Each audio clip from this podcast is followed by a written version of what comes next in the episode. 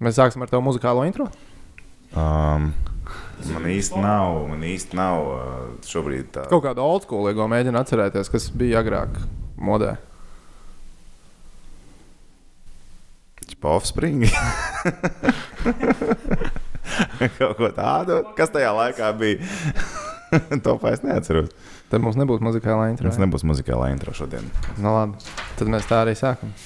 Toms Prāvnieks, Kaspars Dvīnskis, Face of podkāsts, Rewatchables, otrā epizode. Nu, ir tas laiks. Mēs solījām reizi mēnesī taisīt Rewatchables. Man ienāca ziņa, ka mums vajadzētu uztaisīt uh, top Top 5 ar mūsu piedāvājumiem. Labākie solījumi, kas ir neizpildīti šobrīd. Jā, tā, tāda, tāda versija. Ar bija. pieciem būs pamāc.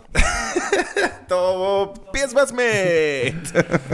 Bet katrā ziņā šodien mēs mācām arī Watchables sēriju. Mēs esam veltījuši laiku un noskatījušies uh, veco labo hokeja spēli Latvija, Krievija. 2000. gads, pasaules čempionāts, Sanktpēterburgā. Tagad es domāju, mēs iedodam uh, skatītājiem, klausītājiem nu, tādu 10-15 sekundžu logu izdomāt, ko viņi darīs. Es tagad noskatos Latviju, Krieviju, un tad es klausīšos, ko viņi stāsta un runāsies. Vai es uh, klausos, ko viņi stāsta un runājās, un tad izdomāju, es gribu skatīties to spēli vai negribu. Mēs tagad taisām to klusumu. Nu, tagad ir, nē, nu, tas nav tagad taisām 15 sekundes klusumu brīdi. Ah, nē, nē, nē, nē, tagad laikā. Taimers tagad visu laiku griežās, tagad, tagad bija jādomā.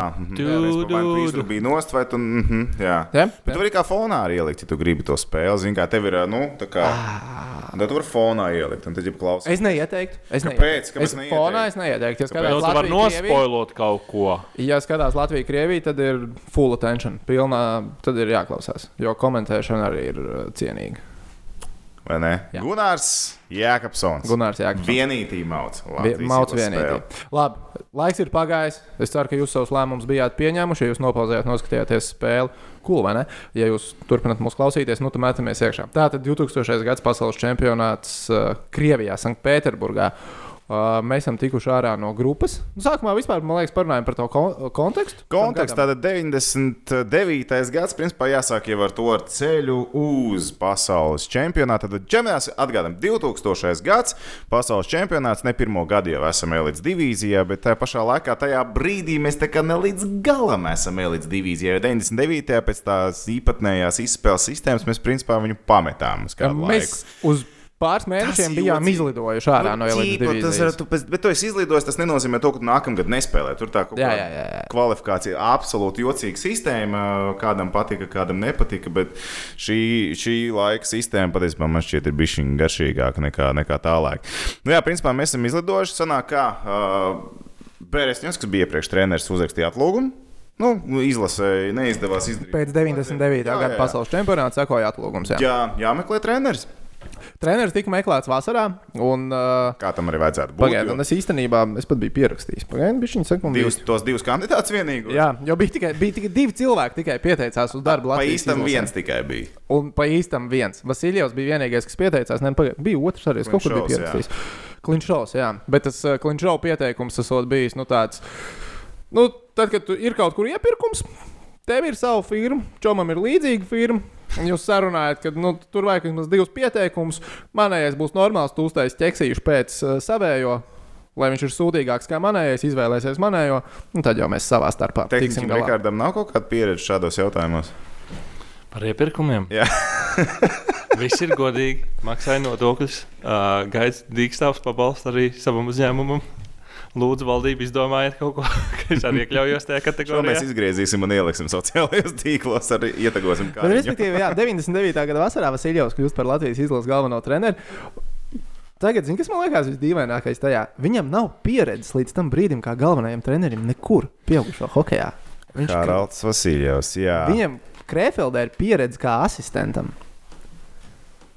Bet, zin, kā, kaut kad jau ir jābūt. Ne, bet tu spēj iedomāties mūsdienās, kad mēs paņemtu, mums tagad ir kāds ir tagad standarts. Mums pēdējie treneri ir bijuši, kas ir NHL saņēmuši balvas kā labākie jo, treneri.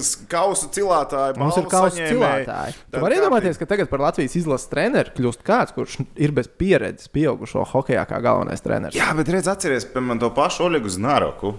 Nu, ko viņš pirms izlases bija trenējis? Nu tā, ko viņš bija trenējis? Nu, viņš Latvijas čempions trenēja jauniešu to, to komandu Rīga 20. Nu, viņš nāca no U20 izlases. Nu, jā, viņš nāca tur. Nu, Ziniet, kā atkal uh, Krefelde asistents pieaugušo hokeja bija uh, Haralds Vasiljovs.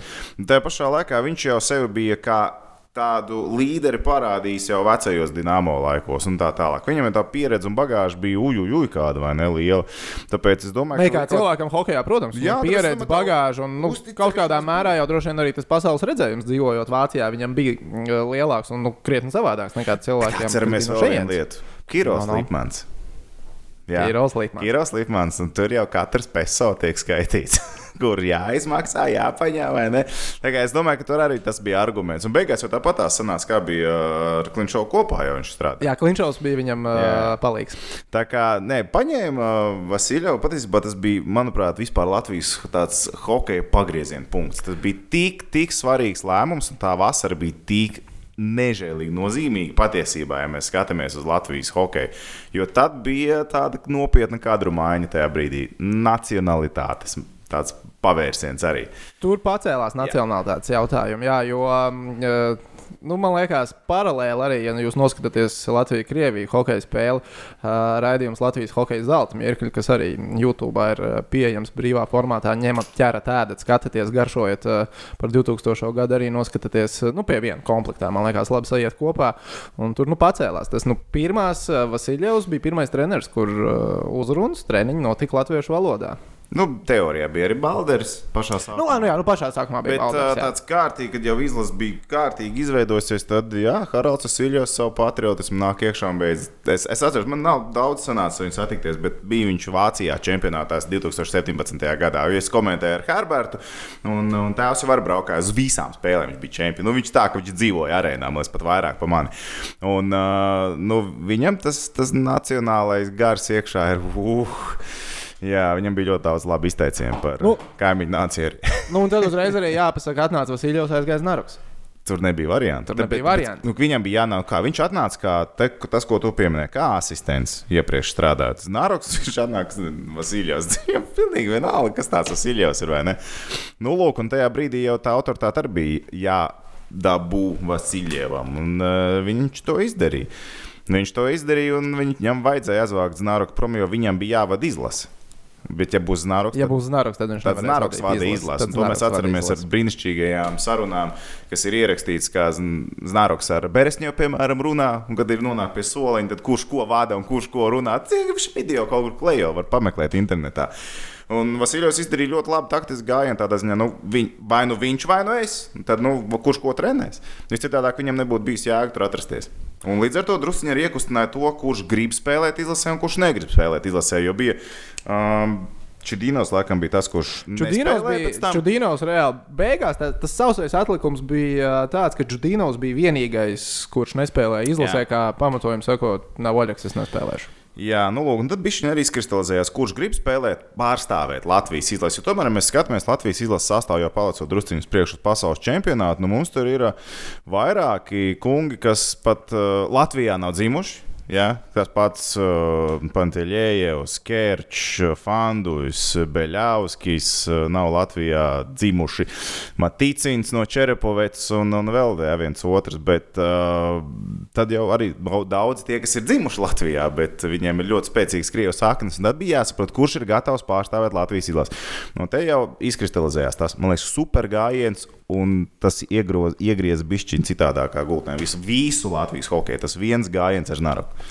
Jā, nu, bet tas arī uzreiz pašam Vasiljevam, nu, tur, tur arī sākās saknes uh, problēmām, kas sakos pāris gadus vēlāk, bet to mēs droši vien varbūt kādreiz citreiz apspriedīsim. Nu, droši vien, ka apspriedīsim kādreiz citreiz, bet skaidrs, visam ir sava cena. Es varam tikai teikt paldies uh, Vasiljevam. Pilnīgi noteikti. Bet, uh, ok, un tad Vasiljevam tas pirmais iznāciens ir, uh, pirms mēs vēl nonākam pie Latvijas-Krievijas spēles, ir uh, tā Sheffield kvalifikācija, tā dīvainā, kur es atceros, tajā brīdī es galīgi nesapratu, kas tas ir un kā tas mēs esam izkrituši, bet mēs tā kā tomēr esam izkrituši, bet mēs tā kā tuliņ būsim atpakaļ. Okay. Pāris pasanāk, spēles nerāda. Es atceros, ka spēles es klausījos Latvijas radio. Jo spēles nerādīja. Bilde no Sheffieldas netika sūtīta. Mm, tie laiki, kad rāģiņā tikai kaut kas bija. Tas bija reāli. Jūs zinājāt, ka... cikos būs Latvijas izlases spēle, Latvijas radio, un aiziet klausies, kas notiek. Un tur bija tas mačs, kur ar Britiem laikam ledus ielūza. Tur bija apturēta. Jā, tas viss notiek Lielbritānijā. Viss, viss normāli. Pirmo spēli mēs uzvaram 6-3 Kazahstānā. Un nākamās divas spēles ir futbola cienīgas. 2-0-0 no sākuma pret Lielbritāniju, 0-0 un pēdējā spēlē pret Ukrajinu 0-0. Šitais kādam ir jāpārprasa. Man neviens nekad mūžā nevarēs iestāstīt, ka spēle ar Ukrajinu nebija sarunāta. Situācija klausītājiem, skatītājiem. Situācija tur, turnīra tabulā. Tātad piedalās Latvija, Ukraina, Lielbritānija, Kazahstāna. Pasaules čempionātā spēlēs divas komandas. No šīm četrām ir palikusi viena spēle turnīrā. Latvijai, Ukrainai un Lielbritānijai uz to brīdi ir vienāds punktu skaits. Lielbritānija visas savas spēles ir aizvadījuši, nav zaudējuši nevienu spēli, bet nav arī uzvarējuši. Viņiem ir trīs neizšķirti. Ja Latvija nospēlē neizšķirti ar Ukrainu, tad gan Latvija, gan Ukraina uzvarēja Kazahstānu, gan Latvija, gan Ukraina tālāk. Latvija ar Ukrajinu, nu, principā neredzēja, tikai dzirdēja. Neredzēja, tikai dzirdēja, jo bija parādījis. Atslidoja 60 minūtes, Tablo rāda 0-0. Latvija ar Ukrajinu tiek tālāk. Nu, pamēģiniet man kāds iestāstīt, ka tas nebija sarunā. Latvijai 4 punkti, Ukrajinai 4 punkti, Lielbritānijai 3 punkti. Lielbritānija nezaudējot Brīti rakstīja oficiāli protestu par to, ka tā jā, spēle bet, bija sarunāta. Protests netika apmierināts. Ne, jā, jā, bet uh, trīs spēles, trīs neizšķirt, neviens zaudējums, bet Lielbritānija paliek ārā. Bet tā ir, tev ir kaut kas jāuzvar, tur ir kaut kas tāds. Eastern European uz to Lielbritānija. Lielbritānija atbrauc bijušās PSRS republikas, jā, Latvija, Ukraina, Kazahstāna un izstumj ārā nabaga Britus. Ai, ai, ai, ai, ai, ai. Britiem jau kādreiz tas hoķis bija bijis labāks. Nē, labi, tagad viņam atkal iet uz augšu. Mm. Ok, vēl nav, nav, star, nav svarīgi, kas Britiem notiek. Bet, uh, nu, kā, nu, var jau vienmēr teikt, tā, nu, paši vainīgi, ko viņi Kazahs nevinēja. Nu, vispār, ja vinēja Kazahs, viņi nevinēja. Ko jūs te čīkstat? Nu? Palielam, Visi vinēja Kazahstānu, izņemot viņus. Jūs nevarējāt, jūs arī netiekat pasaules čempionātu. Tieši tādā mājās. Līdz ar to tiekamies pasaules čempionātā. Tiekamies pasaules čempionātā. Tas bija novembris, novembra vidus, kad notika tās spēles. Jā, novembrī bija kvalifikācija un uh, māja sākumā tātad pasaules čempionāts. Nē, tad bija bišķiņa agrāk. Uh, aprīļa beigās jau sākās. Jā, jā, jā, jā, jā tad vēl aprīļa beigās bija pasaules čempionāts. Uh, tu gribi Latvijas izlases sastāvā vai tu gribi spēles līdz Krievijas mačam? Rezultāts vienkārši. Uh, es domāju, ka iepazīstamies pirms ar sastāvu. Kas, alrighty, mums, bija, kas mums bija tajā pasaules čempionātā vispār. Un pēc tam mēs, protams, arī ķersimies pie mājām, klāt, ka konkrētai spēlē tiksim. Bet pasaules čempionāts Latvijas, sakam ar Latvijas izlasi, protams, ko mēs esam aizsūtījuši uz pasaules čempionātu 2000. gadā. Sākam ar vārdsargu līniju. Ar vienu vienīgo vārdsargu tajā pasaules čempionātā - Arthurs Irba. Jā, un tad vēl treniņos piedalījās Sergejs Nomovs un Dmitrijs Žabotīnskis. Paldies viņam par treniņu darbu, bet spēlēs kastē tika tikai īrba. Tā, man liekas, arī bija pirmā reize, es nezinu, vai vienīgā, varbūt arī nav vienīgā, nu, kad vārdsargs stāv visas spēles. Viens vārdsargs stāv visas spēles. Nu, tur bija arī spēle, divas spēles divās dienās. Arčs stāvēja visas spēles. Nu, bet, kad viņš atbrauc uz pasaules čempionātiem, principā, nu, tā tas arī tā vienmēr, bija. Jā, tā tas arī vienmēr tā bija. Lieta kārtība. Bija pāris izņēmumi, varbūt tikai, kad kaut kā citādāk tas viss notiek. Arī aiz cieņas, piemēram, pret Sergeju Naumovu, kurš ir tikai trīs gadus jaunāks, ļoti labs vārdsargs. Viņš šobrīd ir pieprasītākais vārdsargs treneris kontinentālajā hokeja. Bet viņam, viņam reāli nepaveicās ar to, ka viņam Arču bija blakus. Principā viņam nepaveicās, jo Naumos patiesībā ir nu, neno, nenovērtētākais vārdsargs. Šefildā Naumos mums starp citu izvilcis. Starp citu, jā. jā viņš atskrēja no, atskrēja no ASV. Nu, ja mēs no neatceros, no Rietumkrasta hokeja līnijas. Tā, jā, tajā brīdī bija. Tajā brīdī vēl tāda bija. Nu, lūk, un uh, Artūrs Irbe tie bija viņa ziedu gadi. Jo tieši, tieši tas brīdis. A, a, jā, viņš vēl nav spēlējis Stanley Kausa finālā, tas būs divus gadus vēlāk, bet nu, viņš ir Karolīnā vārdsargs numur uno. Viņš stāv arī visas spēles tur. Man liekas, ka arī tagad NHL vairs tā nenotiek, jo pasties Irbem. Uh, 99. gadā 62 spēles, Tā bija 2000. gadā 75 spēles, 2001. gadā 71 spēle, 2002. 51 un Tas ir arī gads, kad viņš tiek uh, Stanley Kausa nu, finālā. Finālā gadā viņam bija Kevins Vīks jādala. Jā, tad, tāpat tās viņam uzticēja. Bet vienalga, viņam bija 51 spēle no 82, un viņš it kā dalīja spēles laiku ar Kevinu Vīksu. Jā, un tur jau daudz, o, tur daudz spēles un tā tālāk, bet plēfos viņam bija 18. Tagad vairs tā nenotiek, ne? Nu, nav vārdsargs, kas spēlē 70 spēles. Nē, nu ir jau tāda vārdsarga, kas spēlē. Nu, Vasiljovskis baigi maz, uh, nu, daudz brīvdienas bija agrāk. Nu, nē. Ir jau tā, ka ir, ir izteiktāk pirmie numuri, bet agrāk tas pats nu, Burdērs arī spēlēja savus 70. Jā, es saku agrāk, bet nu, šajā sezonā. Nu, šajā sezonā, nē, nu, kā nu, Vasiljovskis ir tas, kas spēlē. Nu, un savus 60, 60, 70 kaut kur varētu arī atrast. Es īstenībā tagad grūti apskatīties, kas šo sezonu ir noticis. Šī sezona Bet jā, bet es tipiski- atgādināšu, ka šī sezona netika izspēlēta līdz galam. Tom, ja tu gadījumā biji piemirsis. Vēl var, vēl var izspēlēt līdz galam. Vasarā. Um, Skeptiskais Kaspars Dvīnskis, kā vienmēr. Bet uh, par tiem ziedu laikiem, jā, tā bija otrā sezona viņam Karolīnā, jo iepriekš viņš Vankūverā dalīja spēli Dallasā. Pagaidām, viņš Dallasā bija pirmais latviešu Hokejs Dallasā? nu, hokejists, jā, bet es tagad domāju par sportistu. Kā Pirms tam, domā? nu, vispār Ziemeļamerikā, Dallasā spēlējošs kāds sportists no Latvijas. Man nenāk prātā neviens, kas Ne? īrubs tur būtu bijis. Jā, vēlāk tur mums bija Krastīņš. un Nu, tā tālāk. teorijā var pievilkt, ka Balders ir pārstāvējis to pašu franšīzi. Nu, nē, nu, viņš Minnesotā, tur vispār klimats ir. Bet franšīze tāpat. No Francijas tāpat, nu, tas neskaitās. Bet uh, Karolīnas Hurricanes ziedu laikā 75 spēles, 75 spēles tajā sezonā. Viņš kārsts, principā viņš atbrauc to čempionu kārsts. Nu, ja viņam ir 33 gadi. tajā Jā, viņš ir 30 leģendārā intervijā. Jā. pēc tam Būs, jā. un uh, viņš perfektā kondīcijā būtībā atbrauc. Un cipari arī viņam Nacionālajā hokeja līgā 90 proču. Tam laikam ļoti ok. 90,6 viņam pat bija 2,5 ripas spēlē, kas arī ļoti fini. Labi statistika atbrauc uh, uz, uh, uz pasaules čempionu. Atceramies, nākamajos divos gados viņš tika plēsoņā ar Karolīnu. Jā, to jau mēs pieminējām. Tā kā viņš atbrauc karsts, spēlēja daudz, un tie bija viņam ziedu laiki, pirms tam viņš jau, minēja Vankūveru, Dallas, bija, kur tas spēles laiks bija mazāks. Tas bija tāds, nu, uzplaukuma gadi, viņam četri principā bija pēc kārtas. Bet, principā, Arthurs ir viens no diviem NHL hokeistiem, kas pārstāv Latvijas izlasi tajā pasaules čempionātā. Otrs ir Kārlis Krasniņš, kurš uh, tad ir Nešvilā. Tā, un kas mums tur Kārlim bija ar to sezonu, jau cik viņš bija tur nostabilizējies. Tā, tā, tā, tā, tā. Tā, tā viņam īstenībā ir tāda pirmā sezona pilnā NHL. Jo iepriekšējā, 99. gadā, viņš divas spēles nospēlēja NHL, bet šajā sezonā nu, viņš jau ir ar 59 Nu, spēlēm. viņš pamatā sastāvā. Viņš ir pamatsastāvā, Milwaukee viņš ir tika aizsūtīts. Stabils rotācijas spēlētājs. Jā, jā, 50. Sezonas sākumā vēl bija AHL Milwaukee, bet nu, Nu, par viņu kvalitātēm tur šaubu nav. jo Viņš iepriekš arī Somijā spēlēja. Somijā labs čempionāts, pēc tam viņš jau nonāk NHL nostabilizējies. Un ar savām īpašībām, savu spēli tur nav variantu, ka viņš nenostabilizētos. Nu, viņš tajā laikā jau arī spēja sev parādīt, kā izcils dzelzs vīrs. Jā, mums principā ir divi NHL spēlētāji tajā pasaules čempionātā. Tas, Lai gan. tā, tas, ka mums ir divi, ir diezgan svarīgi pēc tam kontekstā, kad mēs nonāksim, cik Krievijai bija. Jā, tur Krievijai drusku cits, cits stāsts. Bet, uh, bet, ja mēs paskatāmies vispār to izlasi, tad mums bija astoņi spēlētāji, kas ir nospēlējuši vismaz kaut kādu laiku, kaut kādas spēles Nacionālajā hokeja līgā. Tā ir vēl viena nianse. Un Mums gan Kerčs ir spēlējis 94. gadā, Vitoļņš, Ignāķevs, uh, jā, ir spēlējuši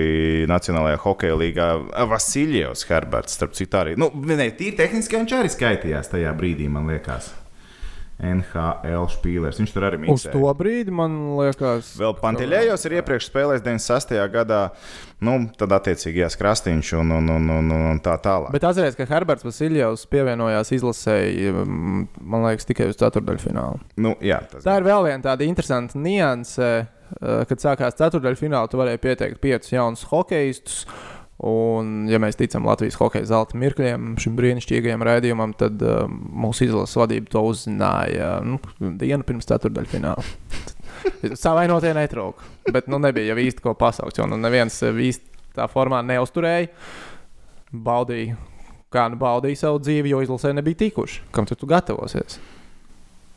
Nu, jā, nu, tagad drusku citādāks tas formāts. Mēs redzam, pasaules čempionātos, kad viņi notika. Tagad nolikumi, man liekas, zina visi. Tagad sākās turnīrs. Nu, tagad viss ir kārtībā. Tagad ar to viss ir kārtībā. Jā, starp citu, tajā gadā Herbim bija, bija septiņas spēles NHL. Jā, bet kas ir interesantākais ar to tā gada sastāvu? Pirmo reizi, man liekas, tā rīktīgi, rīktīgi jaunais tiek iesaistīts. Kad Jā. tu pat sāc meklēt attaisnojumus, pagaidi, kāpēc un kas viņš tāds ir. Mēs, protams, tagad zinām, ka tas ir pēc tam ilgadējs Latvijas izlases spēlētājs un vērtība Jānis Sprūks. Somijas čempions, Latvijas čempions un arī Itālijas čempions. Un arī viens Karjeru no tiem, kas arī NHL ir uzspēlējis. Tu viņu tajā savā astotniekā ieskaitīji. Kurā astotniekā? Nu, tu teici, Jā, jā, jā, jā. Nu, viņš ir- pēc tam, nu, es, saku, tie, es teicu, tos, kas bija spēlējuši. Viņš Jā. jau pēc tam spēlēja tikai. Viņš arī līdz tam līmenim nonāk. Bet, uh, nu, vispār, jāatskaita, nu, tas ir arī kā skatās. Jāatskaita Znaroku, Dino un uh, nu, Žoltoku. Un, nu, kas, vēl, kas ir tādi, kas nav? Jo, Nu, manā galvā Nu, liekas, ka tas arī ir. Tas, tas Nē, nu, tu optimāliem arī. Nu, Sans Ozoliņš, Nu, protams. Sans- jā. Sans, Sans jā. Bet Sans Ozoliņš tajā laikā te bija, te nebija. Jā, kas par? Viss kārtībā. Es nedaudz aizrījos. Jā. Viss tas, kur viņš visvairāk nebija, tas bija Čempions Prāgā. kur, cilvēki, kur klīda leģendas. Labi, pie tā mēs arī kaut kad vēl nonāksim. Jo izskatās, ka vīrusu laiks būs pietiekami ilgs, lai mēs izskatītu arī tās spēles. Būs daudz spēles, kuras Jā. apskatīties. Ai, labi, mēs lēnām Aizrunājamies, ejam uz ilgi. priekšu. Davai, Tātad es pat pateikšu tos rezultātus, kā čempionāts ir gājis līdz tam. Sākumā Latvijas izlasē. Ja? Tad mēs caur sastāvam vairs neejam. Nu, bet- vēl tik tiksim, līdz Krievijas spēlē iziesim ar caur sastāvam. Labi, nu, labi. virknējumiem, jā, jā, jā. Tā tad uh, pirmā spēle ar Zviedriem 1-3. Kā ir, tā ir. Beļauskas iemet vienu golu. Tad Baltkrievijas uzvilkām 6-3. un Tur bija tā Beļauska pirueta. Tas, tas ir viens Un atceramies, viens no no goliem. goliem. jā. Baltkrievijā, Vitebskā, viņš pret savējiem savā ziņā ir iemet. Tas bija svarīgi viņam. Un Tas ir svarīgi. Vēl viens pilnīgi nesvarīgs. Labi, nē, to es neteikšu. Ko? Ah, Nē, nu, pilnīgi nesvarīgi un nesaistīts ar hokeja faktu, bet labāk ne. Un Vitebsku, bet nē. Uh, Ko saviem braucieniem. Tur uz baigās sausās var iebraukt. Un tad mēs pa- paņemam Ukrainu. Tas bija tas vec, vēl vecais labais uh, formāts. Kad, nu, tas gan bija laikam pēc tam nākamajos gados, kad Latvijas izlase nu, uz čempionātu brauc. tā kā Mums ir jāuzvar viena spēle. Bet, es tikai, bet tas gads bija drusku citādāk. Nē, labi, mēs braucām, uzvarēt vienu spēlē, neizkrist. Bet tas gads bija to, ka. Nē, nē, nu, es saku, šī gads kā bija bijis citādāk. Citādāk, grupa mums bija grupa. Bija. Kur Kas? Baltkrievi un Ukrāņi. Šitiem mēs varam spēlēt. Un tikai Zviedri grupā. No Zviedriem jau varam mēs forši nospēlēt. Jo teica, viens, trīs, tur Belārs uzvil, uzvilkām, un tad Ukrāņus beigās arī. Desmit tūkstoši skatītāju klātienē. Ukrāņa, Latvija. Nereāli. Tagad, ar- ne arēna varbūt mēs tagad varētu. Uz Latviju, Ukraiņu. Jā. Jautājums, kas par spēli? Nu, tas ir pasaules čempions. pasaules Protams, čempions tas ir jā, jā, kvalifikācija arī. Jā, un tas ir arī laiks, kad uh, ir tā, nu, tur arī bija reāli fanti. Nu, man liekas, ka tie visi desmit, nu, labi, visi desmit tūkstoši noteikti nebija latvieši, bet nu, pieci bija. Ne? Nu, Uz grupu nu, tas, jā, nu, tas formāts arī palīdzēja tam, ka uz pirmajām spēlēm ir ļoti daudz līdzekļu, un pēc tam viņi bija pazuduši Nu, tad- vēlāk. Tad viņi sāka atbildēt. Nu, tā kā doties mājās. Jo tas arī bija tāds stils tajā laikā, hokeja līdzjutējiem. Tu brauc uz apakšgrupu turnīru, un tad tev ir biļete uz mājām. Jā, bet, saprot, bet tas formāts tajā laikā arī principā pieprasīja to darīt. Tāpēc, ka tu jau nezini, tu vai zināt, komanda kur- spēlēs jā, tālāk, jā. un, vai, un kurā pilsētā viņi to darīs tālāk. Tāpēc, labi, te Sanktpēterburgā viss notiks Sanktpēterburgā abās arēnās, bet, piemēram, nezinu, uz citiem čempionātiem sāc Bratislavā, pabeidz Košicē. To es nobukoju Bratislavā divām nedēļām viesnīcā. Ko tu tur skatīsies tagad? Nu, tā ir. Tāpēc tas formāts labi, ka ir izjaukts un ir astoņas komandas grupā tagad. Tu vari plānot to savu braucienu jebkurā brīdī. Jā, ok, bet ko Krievijas izlase izdarīja tajā turnīrā? Tā, Krievi tā tad Viņi izčakarēja izčakarēja. savu mājas čempionātu. Pamatīgi izčakarēja savu mājas čempionātu. Jā, Krievu arī... grupa, Krievu grupa, jā. No, okay. ASV, Šveice, Francija. Mēs Vi- paskatāmies uz grupu. Krievija pri- pirmā, ASV otrā, būs Šveice trešā, Francija ceturtā. Realtāte Krievi bija trešā. Krievi jau tajā grupā ierīja divas spēles. Amerikai 0-3, Šveicē 2-3. Nu, Čempioni kā sāka labi 8-1, sabradāja Franciju. Bet, Bet sausā zaudēt amerikāņiem, Krievijā, Krievam to redzēt savā mājā. Un viņiem likās, ka tās jau bija liels šausmas. Tās Zaudēt Šveicē, kas nu būs. Bet tas Un- nebija trakākais. Tas nebija trakākais krieviem. Jo un uzreiz nākamā fāze, tad arī ir tā spēle Latvija-Krievija. Un principā Krieviem vairs nav kur īsti atkāpties. Nu, viņi zaudēja, viņi pabeidza. Ja viņi zaudē, viņiem turnīrs pa lielam. Viss, viņiem Viņi nevar izkļūt no Viņi grupas. ārā, nevar izkļūt viņi, no ienāca, grupas. jo viņi jau sanāk, ka viņi ienāca tajā otrajā Ar diviem kārtā. zāģiem. Ar diviem zāģiem, ar nulli punktiem. Viņi nāca līdz tikai tās spēles un komandas, kuras ir tikušas otrajā fāzē. Tad Krievi nāk ar nulīti iekšā, Latvija nāk jau ar punktiņiem iekšā, diviem punktiem. Viss ir kā forši ir. Nu, lūk, un tā ir tieši pirmā spēle nākošajā, nākošajā kārtā. Spēle Sanktpēterburgā, 5. maija, 16.30. Pēc vietējā laika. Droši vien pēc vietējā. Nē, pēc laika. vietējā. jā. Jā. Uh, neizpārdotā arēnā 7000 skatītāji tikai.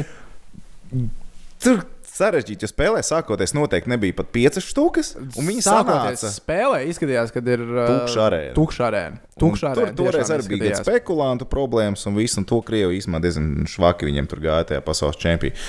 Bet jā, arēna bija samērā tukša. Krievijā visa tā situācija par un ap čempionu likās, nu, tā un šī tā. Bet nu, skaidrs, ka viņi nu, neticēja tam, ka viņi neizkļūs no grupas ārā arī līdz ceturtajai finālam pusfināls bija absolūtais minimums.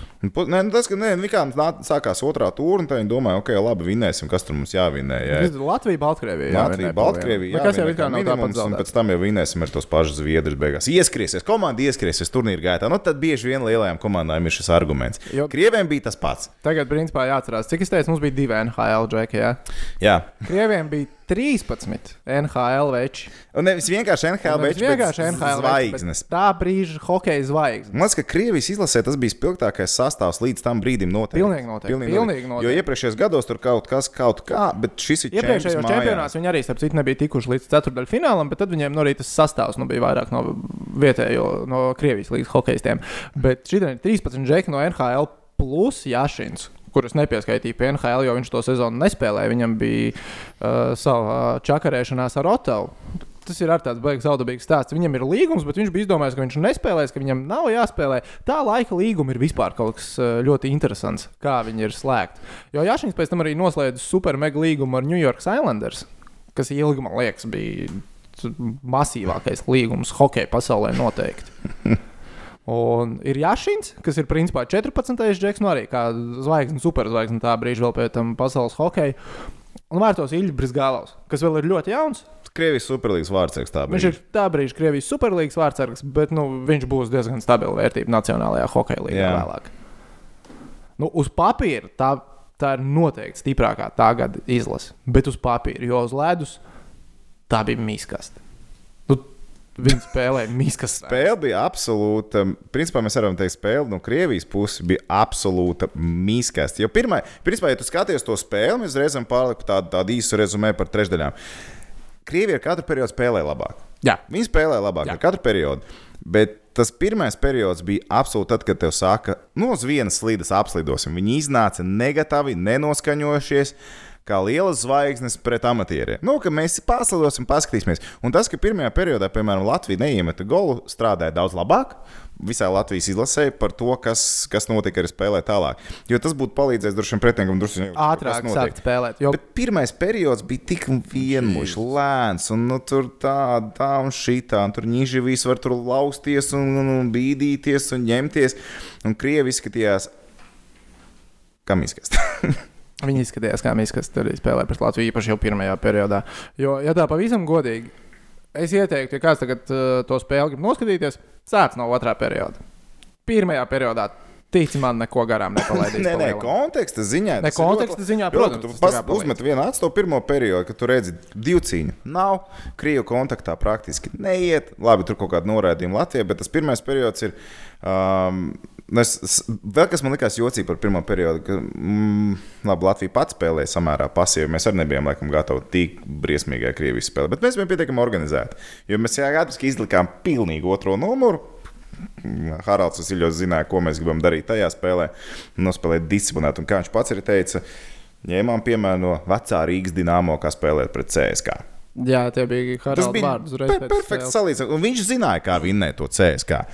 Ok, bet labi, vēl pavisam ātri par uh, tiem virnējumiem, kas mūsējiem ir. Es tev gribu paprasīt, kura mums ir spēcīgākā mājiņa. Tā, par uzbrucēju. Par uzbrucēju, uzbrucēju trīniekiem. Mēs tad pirmā uzbrucēju plūsmas. Ir... Nonāksim arī līdz plūsmām. Uh, tā tad. Mums ir pirmā mājiņa Pantiļievs, uh, Pantiļievs Vitoļņš tam bijis. Tad mums ir Opuļskis, Semjonovs, Nižavīs. Un trešā mājiņa ir Beļauskas, Fanduļs, Kerčs. Kur mājiņa ir spēcīgākā? Kur ir trieciena mājiņa? Tu ceturto nenosauc. nu, labi. Nu, kārtībai jābūt, tur, kur iedomājies. Artis Abels. Tā, kas mums vēl tur bija Aigars Ciprus. No, Sergejs Seņins. Jā, Sergejs Semiņš. Nu, nu, vēl kā... Un kā 13. uzbrucējs Jānis Sprukts. Jā, ne, nu skaidrs, ka trešā maiņa ir tā skano, skanošākā maiņa. Mm. Beļāvskis, tas bija viņa čempionāts pirmkārt. Tas bija, tas bija viņa čempionāts. Uh, viņa fandu labu, labu saikni atrada. Vispār tā, nu, tāda krieviska trešā maiņa ar, ar Sašu Niševiju. Un Nīžvīs Matīcins arī... aizsardzībā vēl? Jā, nu, tur zina, aizsargi arī pielāgojās tajā situācijā. Un Rodžers.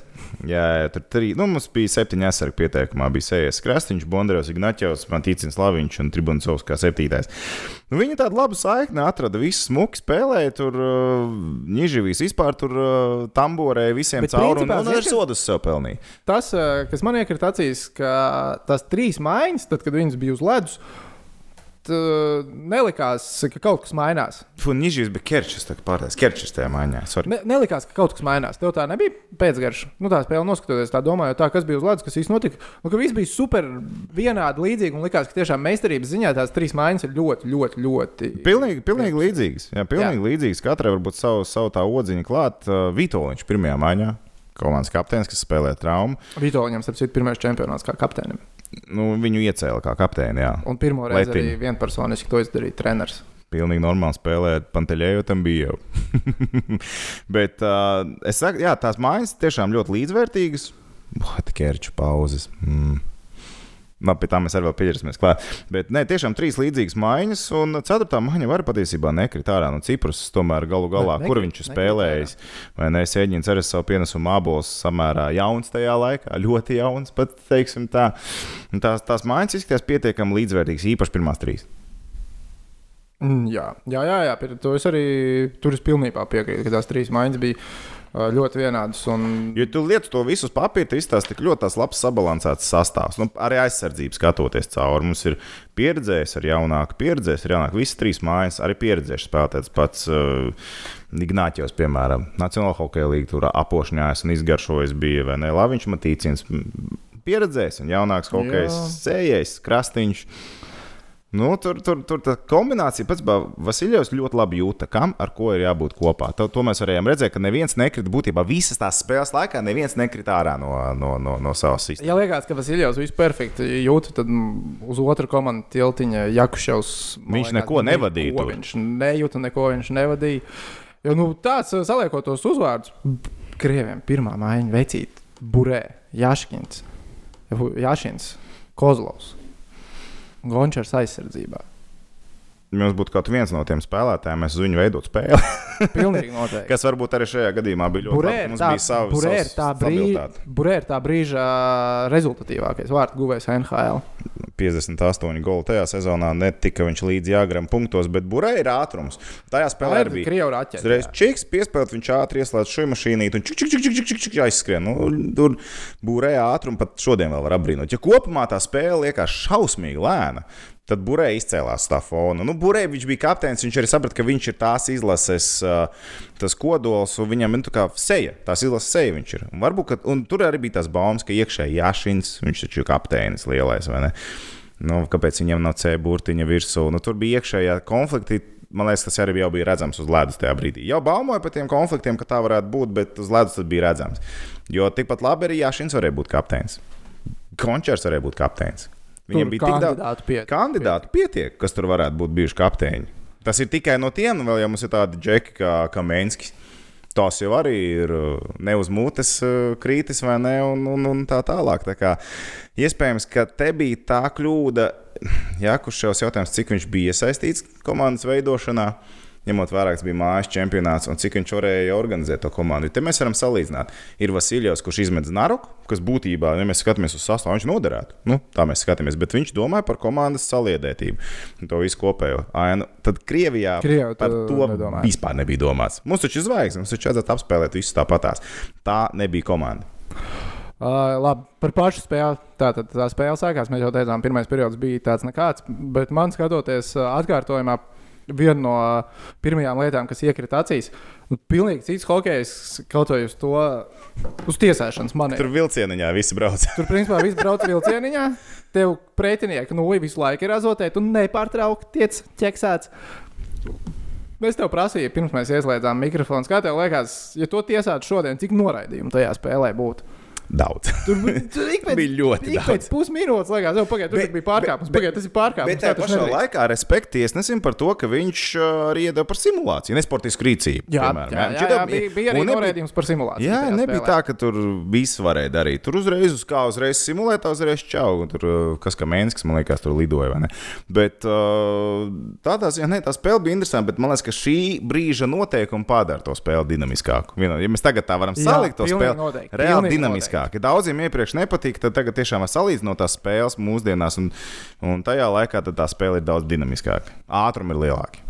Jā, mūsdienās hoķis ir interesantāks. Šitais ir tuvāks uh, veids tam, kā hokejs būtu jāspēlē, lai viņš būtu ļoti baudāms uh, acī, nekā kā tas tika spēlēts 2000. gados. Labi, bet ja pirmais periods bija baigi neinteresants, viņš arī beidzās 0-0 un uh, pa lielām nav vispār ko izcelt no tā perioda. Ā, Mēs izturējām 3 pret 5 skaitlisko mazākumu, gandrīz pilnas 2 minūtes.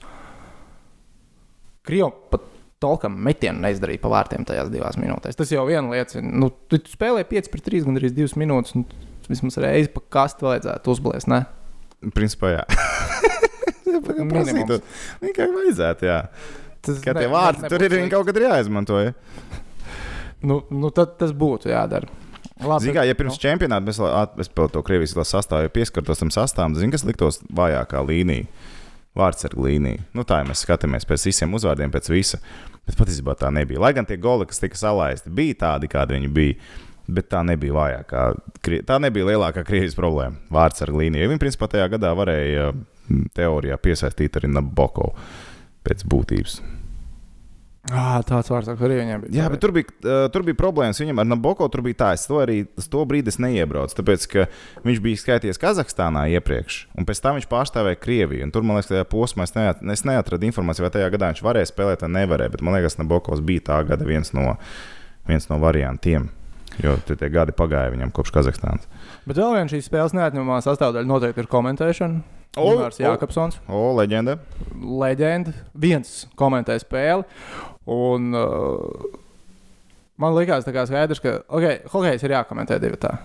Vienam ir super grūti. Nu, vispār jau sports, jebkurš man liekas, uh, veiksmīgāk šajā komentējis gadījumā es divatā. to varu oponēt. Jo, jā, hokeju vajadzētu komentēt divatā, būtībā, jo spēle ir ātra, daudz ko var palaist garām. Daudz ko var palaist. Daudz ko var palikt. Bet tur ir arī jābūt ļoti svarīgi, kas komentē kopā. Jo es, nu, man skatījums tas, ka spēle ir tik intensīva, ka tev ir tas play by play tik un tā pamatā tajā spēlē.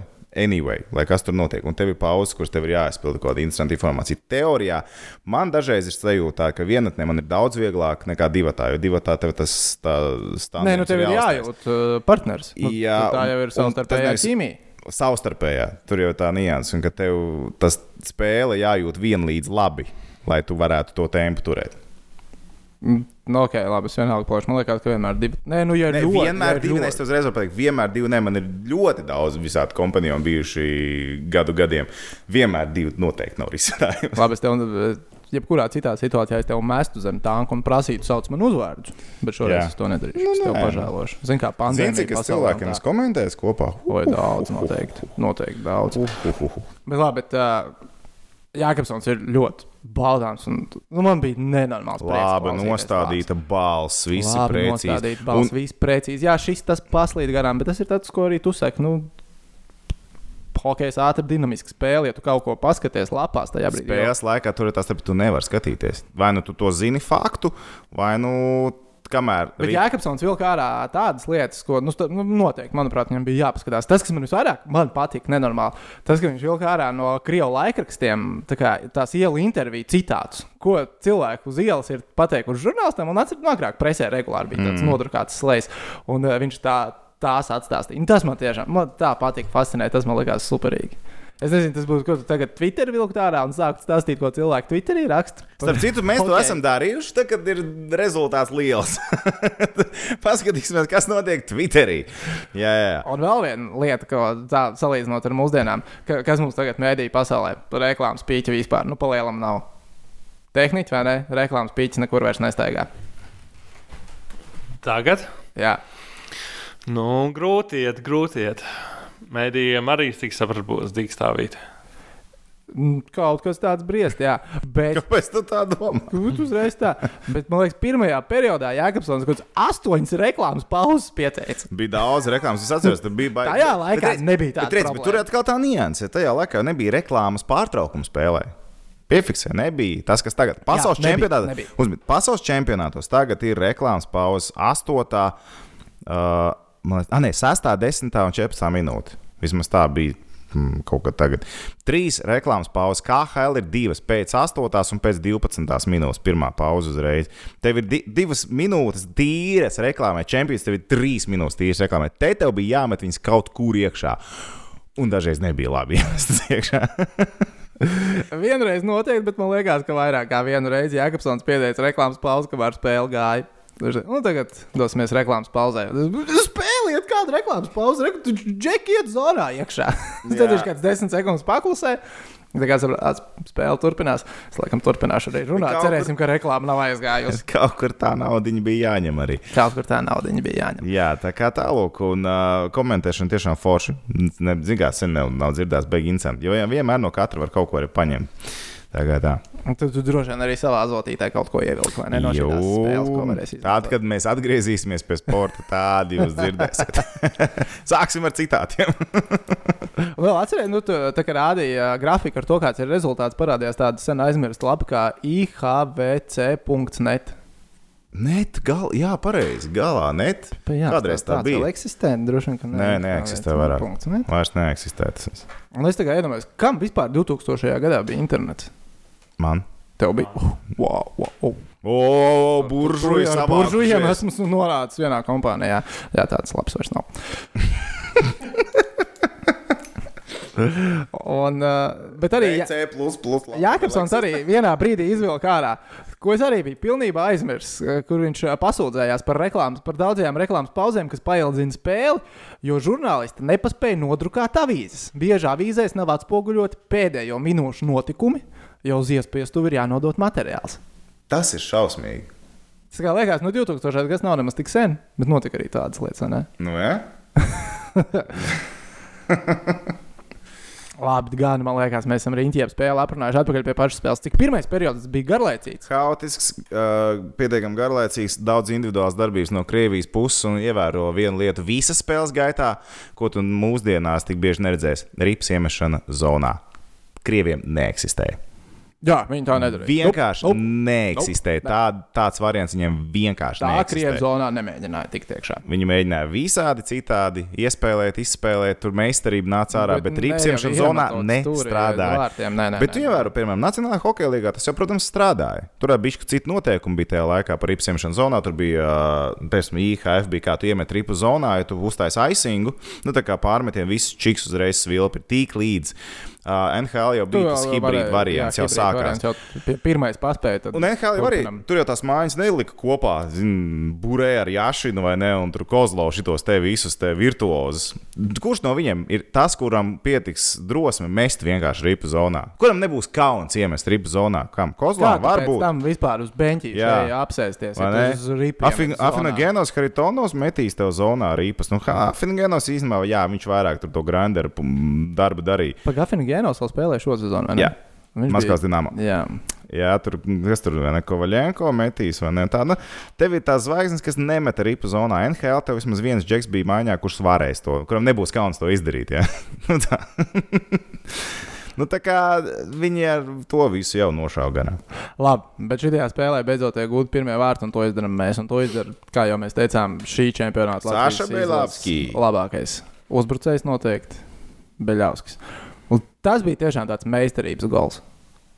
Nu, Ne, paga, tu- mēs vēl esam uz otro periodu. jā, jā, mēs, Krievu, mēs jau nepieminējām, ka Krievija pa pārlikniem met pirmajā. Ah, periodā. pirmajā periodā, jā, Krievija trāpīja pa pārlikumu, kur nu, bija jābūt golam pa lielam.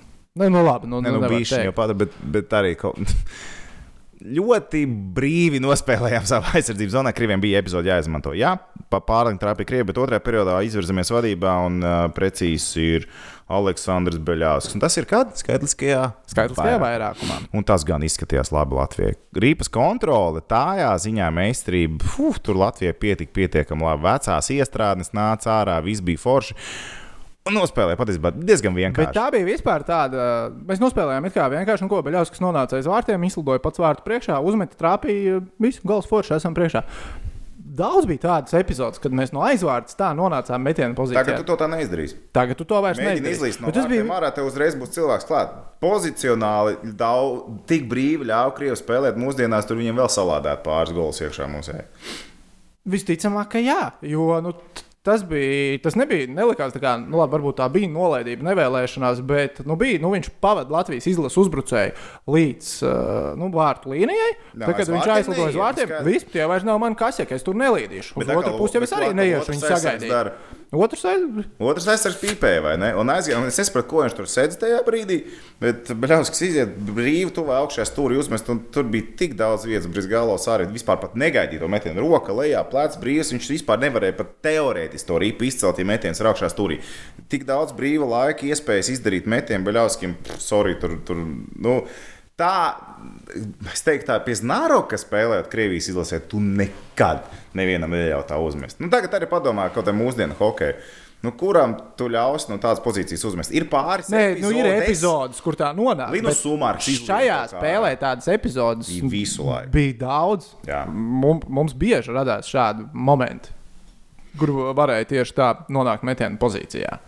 Bet nu, okay, nu, mēs esam priekšā izvirzījušies, un, bet spēles zīmējums arī baigi vēl nemainās. Nu, Nē, nu, Krievija arī tā pamazām. Ok, iemet sāk, vienu golu, pff, mums maksā miljonus. Palielam, jā, tā. Jā, šī nav tā vairāk, ka visas Latvijas izlasa algu. Trīs sezonās. un jā, viņš nespēlēja tajā sezonā. viņš izlaida. jā, jā. Viņš man liekas, beigās Latvijai kaut kādas 7 miljonus atmaksāja atpakaļ par to gadu. Jā, tur jāpaskatās. Jā, tā, jā, tur, tur jāšinam, tur tāda sīkuma. Taču. Bet, jā, nu, bet Krievija arī izlīdzina rezultātu pēc tam, jo nu, tas spiediens parādījās, parādījās, un vārti tika gūti. Nu, tur arī nu, mūsējiem. Nu, Neko jau nepārmetīs ne Arčam tajos zaudētajos vārdos, nekādam citam. Likās. Nu, bija mētījums, ripa, atsit, un Krievijas paspēja pirmais pie atklājušās. Nu, tā hokeja spēlē notiek. Cilvēki gūst vārdus. Ja, ja tā nav Latvijas-Ukraiņas spēle Sheffieldā, būs vārti, būs vārtu guvumi, būs momenti.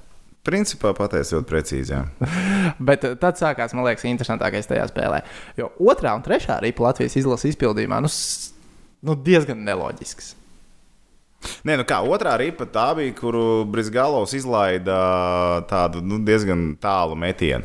Brisgalovs ielaida. Nu, tas bija metiens, kas eh, Jākapsons teica, noķēra vārds ar pretkustībā.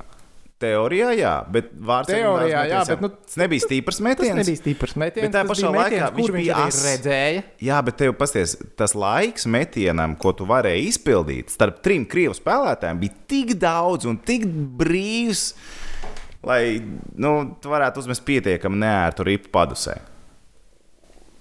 Jā, nu, bet uh, paskatieties, kāda bija Biržas gala reakcija. Jā, tas bija stulbs gols. Viņam viņš bija jāpaņem. Protams, viņš bija jāpaņem. Viņam bija jāpaņem. Nu, viņš tur bet arī nebija tā. Visai ilgu laiku, jo viņam darbs tajā brīdī arī nebija. Ilgu laiku mēs vispār viņu netraucējām. Krievi uzspied vairāk.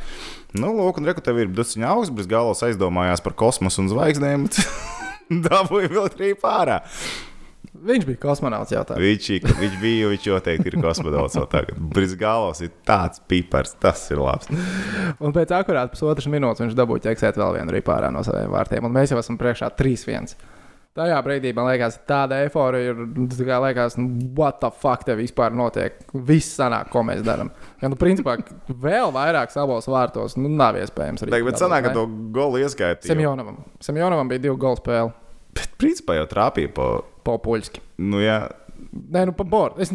Tā kvalitāte tam video nav pati labākā. Tik labi saprast, jā, jā, jā. Bet uh, tas gols bija vienkārši absolūti smieklīgs, jo, lai tā ripa ielidot vārtos, nu, tu gribēdams no turienes. Nē, nu, nē, nē, nē, nē, nē. Es tev dotu simts mēģinājumus, dabūju ripu. Simtiem krosbiem iedot simts mēģinājumus, tad mēs vēl paskatītos. Mm, no.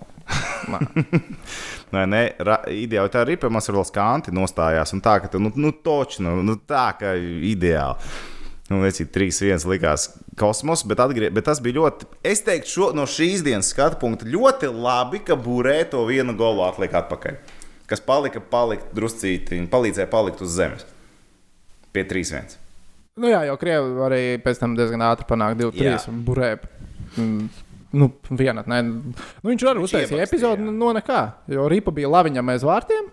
Un tad, oh, labi, viņam vairs nav arī po, viņa ir pie burē. O, oh, burē ir vārds priekšā, o, oh, burē iemet golu. Oh, burē iemet 58 gols sezonā, NHL, o, oh, burē iemet arī Latvijas izlasē vārds. Sounds fair enough, vai ne? Nu, lūk, un uh, tur arī, jā, viss, viss tā kā loģiski. Un tie, tas goliņš drusku palīdzēja droši vien atgriezties. Mums ir viena vārtu spēle, nevis divu vārtu spēle. Un, nu, jā, tas tā kā neļāva jau. Gan krieviem palīdzēja nomierināties, ne? ka mums nav absolūta panika. Nu, tad krieviem atkal Latvijai bija tas, ka, nu, ok, šī te nebūs. Nu, tā, ka mums visus gols ļaus viņi iemest paši savos vārtos. Jā, jo, jo, ja pirmais periods ir tāds, ko es tiešām neiesaku skatīties, droši vien atkal un atkal, tad šo periodu var griezt riņķī. Īpaši fonā. pēdējās desmit minūtes jā, ir vislabākās. Otrā perioda, jo, otrās jo, desmit minūtes. Jo tur visvairāk gan dušī, krievi bija momenti, jā, bet īrbe. Es, es, es, es, es sen jau nebiju sanācis skatīties īrbi darbībā, vai ne? Un tas miers vārtos. Čiks epizode, pilnīgs miers. Bija epizodes, kad viņš, protams, ar uzšāvu gan Kamēnskim, kas viņam iedeva par rokām, vai neuzreiz Čiks ar nūjiņu atpakaļ atdeva vēl kāds epizodes. Bet uzreiz tas miers, kaut kādā epizodē Čiks viss nomierinās. Tas, tas miers, kas bija Irbam, bija super vienkārši. Nu, tā. Viņam bija miers, bet par to uzšaušanu Tīklīdz bija burzmu vārtu priekšā. Viņš, viņš meklēja un skatījās, kā ar nūju kādam jā, uzšaut, jā. kā kādam iesist pa seju. Tas ir pēc diviem gadiem, piemēram. To es tā kā bija... vispār biju no savas galvas izdzēsis ārā, ka Arthurs ir tāds arī. Visu vārtos. laiku darīja, pasties, piemēram, Stanley Kausa fināla 2002. gadā Fjodorovs nokrīt viņam vārtu priekšā. Viņš vienkārši ierauga, ka tur tiesnesis neskatās, tur var redzēt, ka galva pagriež, nav. Bum, vienkārši mauc iekšā, rīktīgi pa sāniem. Nu, tā lai atcerās, ne? Ja, ja ieslīdēs vēlreiz atrausies, ieslīdēs vēlreiz atrausies. Viņš jau arī pats stāstīja uh, vienā no intervijām, ka nu, vārdu priekšā, protams, ka nevienam nepatīk stāvēt, jo tur viss sit un tā tālāk. Viņš vienmēr ir meklējis, kur iesist, kā iesist, vai ne tur. Viņš ir, uh, kā aizsargāt, viņš ir pētījis, kur sāp. Jā, jā, viņš, viņš sit un viņš, viņš zina, kur uzbakstīt kārtīgi, ja kādam bijušas kādas veselības problēmas. Tad tur nu, tur pietiek drusciņi uzsist tā, lai, lai cilvēks atcerās. Nu, tu it kā var dabūt tos pāris centimetrus prom, ar ko pilnībā pietiek, ja tev ir cik centimetri vai ne. Tā kā tās detaļas viņš bija atstrādājis. Ziniet, kā viņš tajā hokeja tik ļoti iekšā, viņš bija hokeja filozofs. Un, uh, viņš man liekas, detaļā ar to katru krievijas spēlētāju labi pārzināja, ja nu vajadzēja uzšaut. Viņš gatavojās tam spēlēm. Viņš izrāt, tā kā, tā kā, uh, kurš tas bija? Uh, Krūls vai ne uzrakstīja uz uh, futbolā, uz, uz pudelītes. Uz pudelītes ne, kur, kur, kurš sit, pendels, nu, apmēram ir bijis tas pats variants. Uvi, jā, nu ir bija, protams, gatavs visām epizodēm, bet jā, es, es tikai gribēju uzsvērt to, ka es galīgi biju aizmirsis to, ka viņš var būt tāds, nu, zin, nu, no pretinieku komandas skatu punktu mazais preteklis. Nu, tā kā mazais riebeklis. Jā, nu, tā, tas, kurš iebakstīs, tas, kurš man uzsitīs. Nu, tu, tās veterānu kustības, kā saka. Tās ir 33 gados iespējams veterānu kustības. Tās ir, trī, tās ir veterānu kustības. Izšķiet, tās ir veterānu kustības, bet tu tajā pat laikā esi viens no labākajiem hokeja vārdsargiem pasaulē joprojām. Jū. Tas ir diezgan krūti. Bet trešajā periodā, zini, kas bija? Nevienā brīdī nelikās, ka vat, krieviem pakaļ deg. Jā, viņa... nesvila riktīgi. Jo atcerēsimies, viņi zaudē. Viņi netiek ceturdaļfinālā savā mājas čempionātā, kur viņiem ir nosacīta nolasīta zvaigžņu izlase. Tur bija apmēram bet, bet, bet, bet, bet no. zini, kāpēc man liekas teorija? Kurš bija prezidents tajā gadā? Vladimirs P. Bet uh, pirmais gads tas viņam bija. Viņš 2000. pārņēma. Nu, jā, nu, nu, jā, sanāk. Viņš viņu vēl nezina. Viņu vēl nezina. Nezināja, kā tas beigsies. bet Ne, bet, Viņi nebija iebiedēti tik ļoti vēl. Bet, bet skaties, Krievijam uh, ir čempiona tituls, kamēr uh, Vladimirs nav prezidents. Nē, 93. gadā nebija. Viņi skaties kā Krievija. Es nezinu. Ah, nē, tad jau vajadzēja būt skaties. Nu, Pagaidiet, nočakosim. Es sameklēšu, tu stāsti, tev bija doma. Uh, tā es minēšu, atceros, ko es gribēju teikt par. Ah, jā, bet redziet, krieviem arī nu, mentalitāte nostrādāja. Viņam ir lielās zvaigznes iekšā, un viens pēc tam uz otru pirkstiem rādīs. Tu biji, tu biji, tu biji vainīgs. Tu biji vainīgs. Jo, jā, varbūt varētu nedaudz pārfrāzēt. Nevis pakaļ, pakaļ nesāka degt tā, ka sniegums uzlabojās. Nu, tā kā ko no viņiem varētu mm. gaidīt. Jo, nu, vēlreiz varat paskatīties uz papīra tos sastāvus. Viņi neko džeku, kur spēlē mūsu džeku. Viņi neko nepamainīja vispār. Neko nepamainīja. Zina, katrs kā vajag labāk, un treneris Tieši no malas vienkārši nav jāklaus. Bet šī gan sāka krist. Nē, šī ir sāka krist. Tur bija tik nevajadzīgi noraidījumi Krievijam trešajā periodā. Man liekas, vispār bija absolūts no... mudaks. Man liekas, visi noraidījumi, ko viņi trešajā periodā nopelnīja Krievi, ko jau vispār sāknē ir diezgan grūti tajā hokeja nopelnīt noraidījumus. Tev ir patiešām jāpacenšas, lai tās divas minūtes dabūtu. Jā, Jā tas uh, Kamēnskas sitiens, kuram Ignaķam pa seju Yeah. Uh, es tagad neatceros. Fanduļam. Nu, nu, tur bija jā, tas ar al alkoholu. Nu, vienkārši ar, viņi ir uzbrukumā, un viņš ar alkoholu izdomā izrubīt ārā Latvijas izlases hokeistu. Tiesnesis, kurš arī tikai ir viens. Nevis divi kā tagad. Galvenais, Tad ir tev diezgan tuvu, un tu skaidri zini, ka viņš redzēs, ko tu dari. Pofīgi tāpat ieblēzīšu pa seju. Nepasēdi četras minūtes. Mm. Bet tie norādījumi trešajā periodā palika tādi dīvaināki. Viņi palika dīvaini, palika tādi, nu, tādi tā kā, kā bēr, bēr, bērnu sports kaut kur savā ziņā, kad, ai, ai, man viss besi, jā, un skrien, tad, ai, uzšaus viņam kādi jēga. Nu, tev nav disciplīna, nu, tās pilnīgi tāds, tāds disciplīnas trūkums. Un, bet kas vēl? Krievijam ir 93. gadā pasaules čempionu tituls. Jā. Kas? Ah, ok. Jā, jā. Bet, uh, nu jā, Krievi tā kā bakstīja viens uz otru, kurš būs vainīgs, kurš būs tāds vai nē, no sērijas burē komanda vai Ašina komanda vai kura komanda tur ir sanākusi, sabraukusi uzspēlēt. Uh, bet, uh, nu, piemēram, mūsdienās neiedomāsies situāciju pasaules čempionātā, kurā spēlē Ilja Kovačs, ka viņš neaizies uz soliņu nesāks ārdīties un visus tur pacels. Tad, kad neiet, nu, jā, vai ne Plotņikovs paraus augšā, vai ne tur Vovečkins nonāks malā, uzšaus kādam pa, pa, pa pakausīt, vai savācies. Tur uz soliņa vispār nekas nenotika. Vispār nekas nenotika. Tāda līdera nebija. Bija uz ledus mēģināja burē kaut ko rādīt, neviens cits neko nerādīja. Nu, lūk, tā kā tas tā. Bet kas man atcerējās tikko, kā es vienkārši biju pierakstījis, ko es par uh, Jākapsonu atceros. Droši vien, ka Jēkabsons jau ilgos, ilgus gadus jau tā bija izveidojis Kerčs, ka tagad, Kerčs iegāja zonā otrajā periodā, un viņam bija iespēja mest pa vārtiem, un Jēkabsons jāmet, jāmet, jāmet, jāmet. es reizes piesu Kerčs, turpina turēt, turpina turēt. Bija vairākas epizodes, kad Kerčam ir īpaši dzirdi jāmet, jāmet, jāmet. Kerčs vēsā mierā man te, man te ir pierakstīts, ko Kerčs ir izdarījis Jēkabsonam, ko es nezinu. Jā, nu tik daudz kritikas no Jēkabsona Kerča virzienā bija tajā spēlē. Viņš bija tiešām viņa izveids noteikti ar tām savām pauzēm, vai nu, es nezinu. Jo Kerčs bija, Kerč bija vienīgais, ko viņš kritika. Nu, bija skaidrs, ka viņš viņu kritizē par Jā. viņu lēmumiem uz ledus. Nu, par vienu citu hokeju tā nebija no mums. Viņš Kerčs labāk zina, atdos piespēli nekā, nekā paskatīsies, kur atrodas vārdi. Bet dīvainākais bija, bija tas, ka tā, mums bija divas tādas kerča pauzes šajā spēlē. Mm. Bet viņi tā kā pat prasījās. Nu, Likās, tas ir lēmums. Man patīk, jā. es teiktu, pastos, domāju, wow, cik labi īstenībā. Nu, atrod tagad tādu, vai ne, dinamo sastāvā, kas šitā te ieturēs pauzītes. Nav mums daudz tādu. Bet, bet arī, kas man patīk, atgriežamies pie trešā perioda, bez riska. 12. minūte, piemēram, formās bija 4-4. tajā brīdī. Mēs nemetāmies uz priekšu zonā, aiziet Semjonos līdz zilai līnijai pastāsta, kas notiek, it kā mums mājiņa tikko ir bijusi. Ai, metam vienkārši ripa zonā, skatāmies, ka pilnīgi ar mieru atnākam apakaļ, gaidām. Mēs tik disciplinēti spēlējām, mēs zinājām, ko mēs gribam izdarīt pēdējās minūtēs. Krievija it kā zināja, ko viņi grib Teorijā izdarīt. Teorijā zināja, ka grib izdarīt. Praksē viņi nebija viena. Katram bija sava ideja, ko vajag izdarīt. Nevienā brīdī netika, liekas, sagriezt pie Latvijas izlases vārtiem tā, ka, oh, oh, oh, oh, oh, oh. Nebija. Ne? Ne. Un, piemēram, arī trīs minūtes pirms beigām iet zonā burē kur bija nosilta zona, piemēram, visi trīs uzbrucēji bija pēc mūsdienu likumiem ne, neadekvāti tuvu, metrs viens no otra. Jā, divi metri atšķirība pat nebija. Viņi visi trīs salīda, salīda čupiņā un reizē ieslīdēja zonā un principā nosilpa zonu tajā brīdī. Nu, tādas haotiskas darbības, ka katram bija sava ideja. Tas bija dažkārt bija, bija tiešām smieklīgi skatīties, kas notiek viņu galvās, ko viņi domā. Vai tiešām nav neviens, kurš varētu pateikt, ej, Džeki, atnākam, tagad darām tā. Nu, Nebija. Bija sajūta, ka tas bija uh, vēl. Uh, Zinu, to? Zinu, to. Bet viņš bija viņš bija karjeras sākumā. Karjeras sākumā. Bet, bet viņš izskatījās, ka vada tagad. vairāk to komandu nekā Jākuševs, starp citu. Viņš tur bija. Plānos, jā, tā kā rādīja soliņu. Zinu, Tūlu ņēmās visvairāk, visvairāk no visiem. Jā, jā, jā viņš tur arī no spēlētājiem. Spēlē.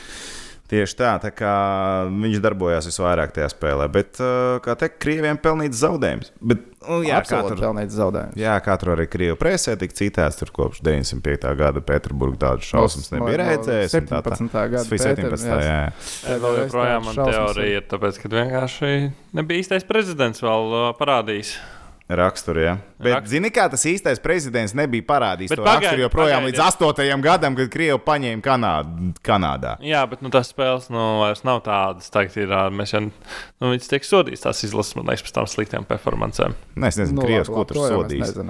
Ko tu tur Krievijas sodīs? Lukašs var sodīt savējos.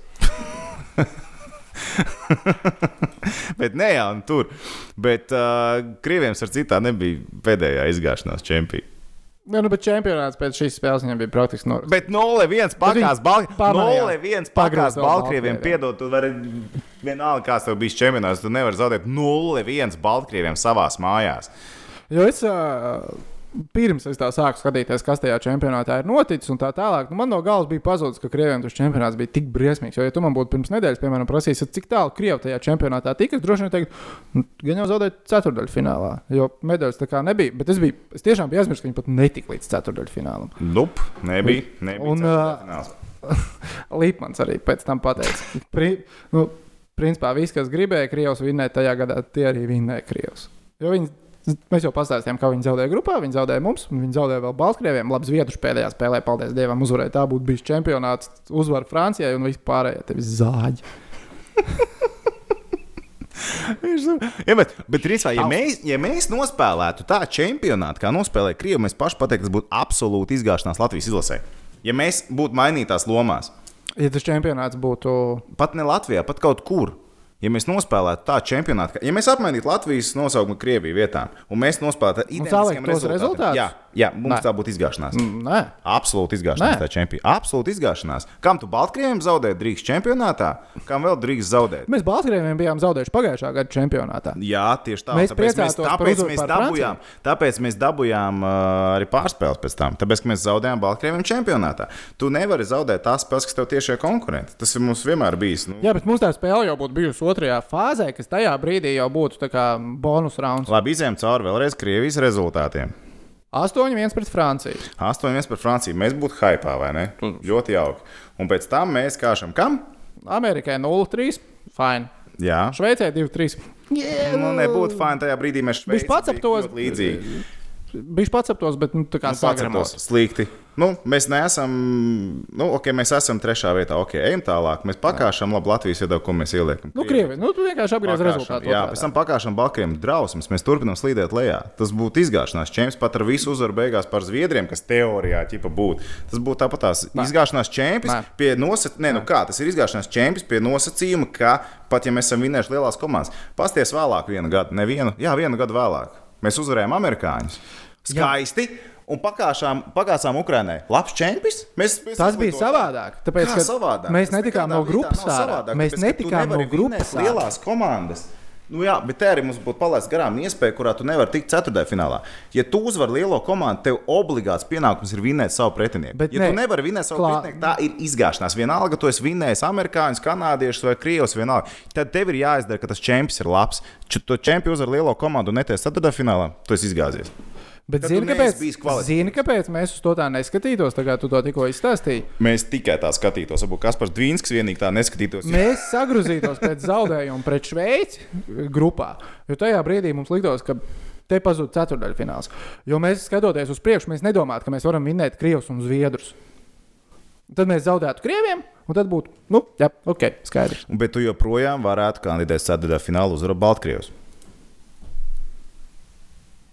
Teorijā tu varētu kandidēt, bet realitātē tu varētu vinēt. Un tad tu uzvari Zviedrus pēdējā spēlē un domā, kā būtu, ja būtu. Kāpēc tu neuzvarēji savus pretinieks? Divus. Nevis vienu, bet divus pretinieks. Bet tā nebūtu izgāšanās. Tā būtu izgāšanās. Tā nebūtu izgāšanās. Tā, es saku, jebkurā, jebkurā čempionātā, jebkurā vēlāk, pasties, jebkuru čempionātu tāpēc, vēlāk. ka mēs spēlējām par palikšanu. Mēs netikām no grupas ārā. Tāpēc nu, kāda starpība? Tu neesi, tu neesi izdarījis to, ko tu vari izdarīt. Ja tu uzvari lielo komandu, tev ir jāuzvar arī savs pretinieks. Ja tu to neesi izdarījis, tā ir izgāšanās jebkurā čempionā, kur mēs skatāmies Latvijas izlasē, jebkurā līmenī. Vai tas ir bijis pirmā, otrā kārta, ja tu neesi uzvarējis savu pretinieku, tad kurā gadījumā tā ir izgāšanās? Nu, nevar sport, savus... Ja tu neuzvari, uzņem, ņemam pretinieku, kur tu vienu dienu vari vinēt, vienu dienu tu vari arī tikpat labi zaudēt, nu, tā nav izgāšanās.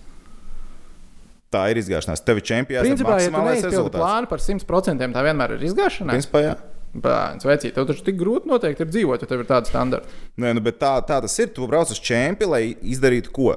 Tiktu ceturtajā finālā.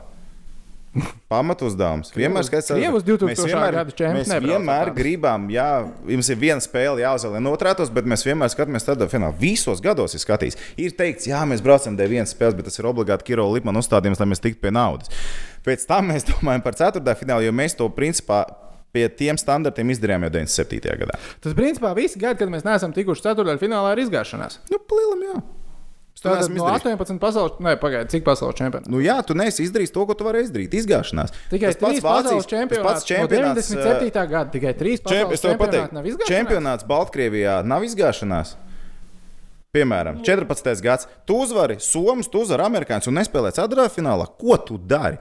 Tālāk tā mēs ejam nākamais. Tā ir izgāšanās, ja tu neesi izdarījis maksimumu ar saviem tiešiem konkurentiem, lai tiktu ceturtajā finālā, spējot uzvarēt grandus. Bet tad ejam tālāk. Čempionāts Vācijā jā. 2017. gads. Tu uzvari pirmās trīs spēles, te pa pirmo vietu grupā, ok, tu zaudēji lielām komandām, beigās tev jāuzvar Vācija.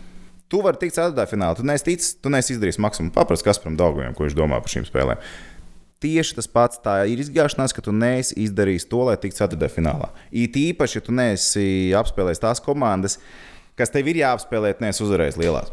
Nu, tev bija tu esi uzvarējis lielās un neesi apspēlējis pēc tam vienlai, vienlīdzīgos pretiniekus.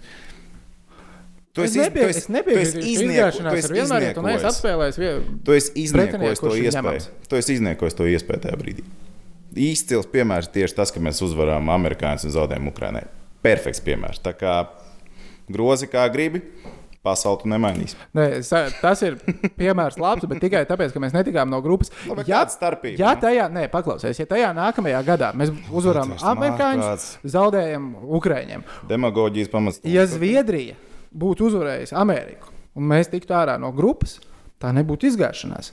Jo mēs spēlētu atkal tajā otrajā fāzē, bet tur vēl vienu sazinu, kā sakristu. Tu pēc tam neatcerētos to čempionu kā izgāšanos. Tagad, skatoties uz ķēdes čempionātu, jā, izgāšanās. Nu, jo mēs spēlējām par palikšanu. Manā skatījumā izgāšanās ir tad, ja tu spēlē par palikšanu. Vismaz hokeja kontekstā, pasaules čempionātā, tādā formātā, kā tas bija līdz nu, diezgan ilgi.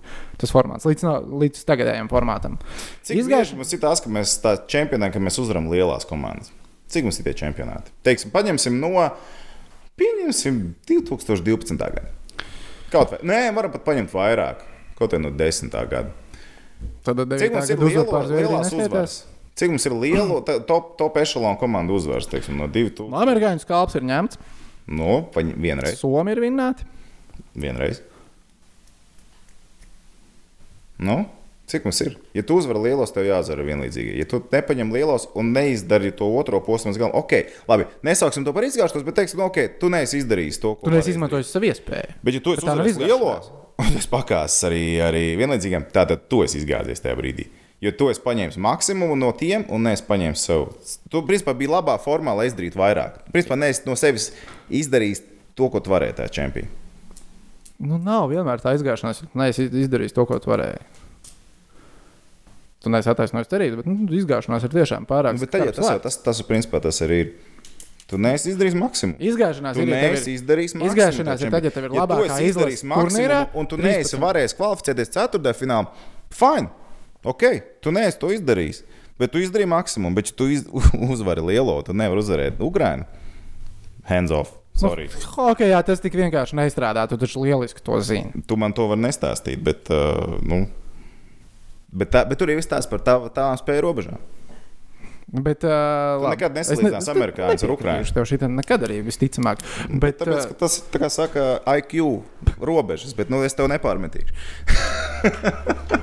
šī fiziskā distancēšanās tev padara par ļaunu. Sāc palikt ļauns. tas to neietekmē. labi, bet Krievijam 2000. Labi. gadā gan bija izgāšanās. Un, uh, zini, kas vēl ir par Latviju? Kad, nu, pēc tam paskatoties tālāk, kas notiek turnīrā.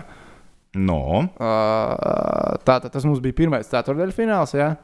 Mēs ar amerikāņiem nospēlējām neizšķirti. viens viens. Zaudējām Šveicei. Vai ne? Mēs zaudējām Šveicei taču tajā čempionā. Pagaidu par 2000. Jā, jā, jā, es par 2000. No Šveicē mēs zaudējām. No. Jā, un tad bija pirmais ceturdaļfināls, mums, kur mēs zaudējām Čehijai. Čehijai zaudējām, jā, 1-3. Un tā spēle, man liekas, Latvija pret Čehiju tur bija. Tur bija tā sakna Beļauska un Vasiljova problēmām. Ne? Jo Beļauskas tur uh, viņš nepabeidza spēli. Tad, kad uh, treneris uzskatīja, ka viņš var turpināt spēlēt. Mm -hmm. Jā, bet tas jau tā nākotnes kontekstā. Bet par to, ka čempi... tas bija laiks, kad vēl izlases atgriežas ar vilcienu mājās. Un tas ir stācijā visi. Jā. Katrā stācijā piestāja, un tev katrā stācijā ir pūlis. Un Rīgā, nu, principā ir uztaisīta kā parāda Stanley Kausa ieguvējiem. nu, Izlases uzsēdina uz autobusu otrā stāvā un izvizina pa visu pilsētu. Tos video kadrus liekas, nu, tagad ir īpaši skaisti skatīties. Kam būtu jānotiek, kas ir jāizdara Latvijas hokeja izlasē, lai tā sagaidīšana būtu tāda, kā bija 2000. gadā? Pusfināls. Medaļas? Pusfināls. Pusfināls, jā. Pusfināls. Es šaubos, vai pus, pusfināla pietiek, man liekas, ka medaļas. Pusfināls pilnībā pietiks. Mm. Tu būsi dabūjis pirmo reizi Latvijas hokeja vēsturē maksimālo spēļu skaitu čempionātā. Tu būsi uzdāvinājis līdz tiem vēl divus brīnišķīgus vakarus vai pēcpusdienas pasaules čempionātā. Gan pusfinālā, gan bronzas spēle. Ja tu neierīsi abās spēlēs 0-9, tad tev būs arī sagaidīšana stācijā. Kam ir jānotiek, lai cilvēkiem būtu tāda sagaidīšana? Principā čempionātam jānotiek kaut kur Baltkrievijā, lai tu varētu atbraukt ar vilcienu. Tā ir vēl viena nianses. Bet principā tāda sagaidīšana mierīgi. Pusfināls. Mūks ir kandidāts teorijā, jā, tāds. Iespējams, nākamgad. Iespējams, ne. Nākamgad, nākamgad jau. Tu jau esi tā kā sirsniņā droši. Ja mēs izlienam ārā no, no, no 4. fināla Latvijā, aizbraucam uz Mīnsku, pabeidzam turnīru tur un braucam ar vilcienu mājās. Hmm. Tev jau bija tas optimistiskais, optimistiskā likme. Jā, patriotiskā, jā, sorry, patriotiskā. patriotiskā jā, jā, jā joprojām ir dzīves, starp citu.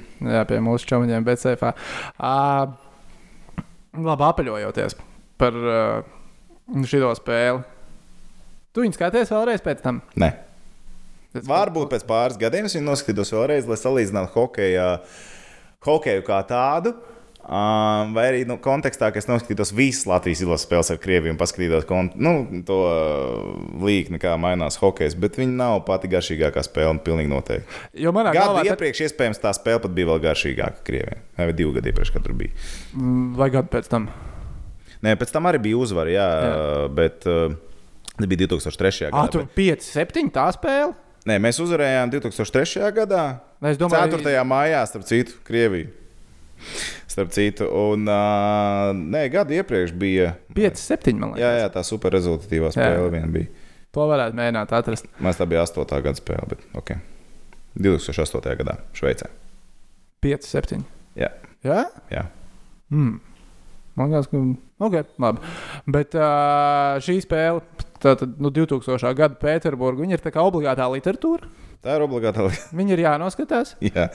Bet mēs sapratīsim, ja tā tīri priekš fanu vairs neskatīsies pēc tam. Atcerieties, pagremdēsies skaistās atmiņās, vai tie, kas ir tik jauni, ka to spēli nav redzējuši, nu, varat noskatīties pirmo reizi.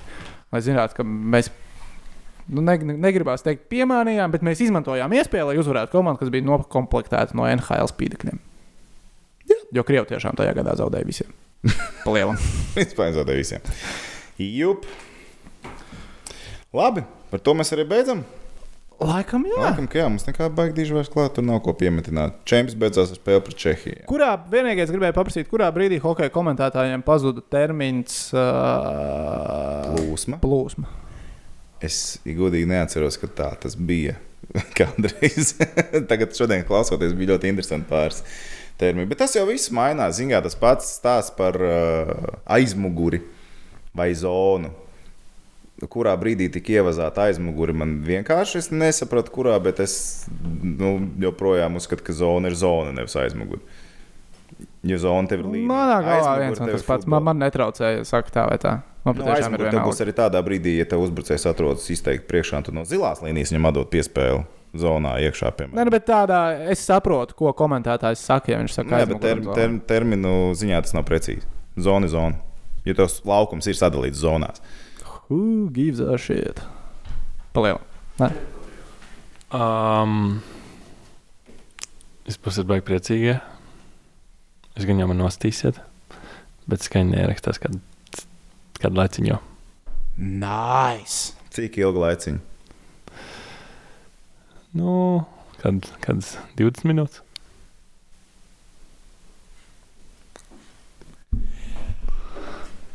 April, april! Man, man viņš dabūja. Nekauņi šitajā laikā, kad tā jau grūti. Fui, fui, fui, tehniķi. Kāds bija sajūts? Kāds bija sajūts? Nebija labi, tehniķi nebija labi, atzīšos, nebija labi. Bet, uh, Viņam man... gan sociālā distancēšanās šobrīd ļoti palīdz. ļoti palīdz. nu, vienu vajadzēja, vienu vajadzēja. Ai, paldies, ka ziņā jums, klausītāji, skatītāji, ka pagremdējāties atmiņās kopā ar mums. Komentāros rakstiet, kādas jums sajūtas ir par to spēli un arī ieteikums, ko vēl paskatīties. Mums ir viena ideja ar spēli. Tā, kas mūsu top 5 bija pirmajā vietā. Bet pamēģiniet, kāds atrast to video materiālu pirmo. Iz, ja? Daudz var apsolīt. Jā, var, var pasērčot internetu dzīves. Kādreiz jau viņi bija pilnā formātā. Pilnu kādam, formātu, ja kādam jā. ir kaut kur aizķersies, lūdzu, metiet iekšā. Pilnu formātu. Jā, jo YouTube kādreiz bija. Nu, es Vairs atceros nav. arī, ka bija. Vairs Tas nav. nozīmē, ka es kopierētu uzlicis.